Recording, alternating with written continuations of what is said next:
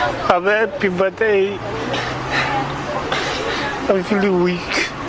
I'm happy I'm going back on the machine, but I'm not strong.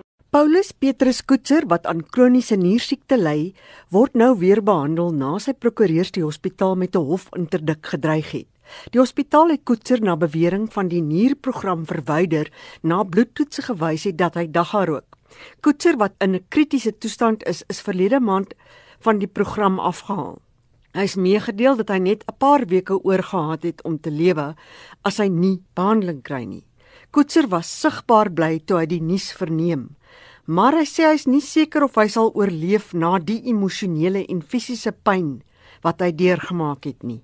I had to go through a lot of steps, and I went to human rights. They couldn't help me properly. I went to legal aid board and they gave me an attorney and he just made a few phone calls and it was done.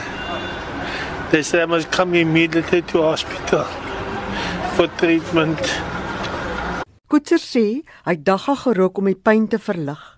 Hy sê hy het opgehou na die hospitaal om in Maart gewaarsku het. I was suffering in pain and terrible pain that I couldn't even walk properly. So whenever I asked the doctors for stronger painkillers, they told me they can't give me. So I started smoking marijuana to take the pain away, which it helped me. I've stopped doing what I've did. Koetser se prokureur, Shaheen Sidat, sê hy het die hospitaal ingelig oor sy kliënt se reg op mediese sorg.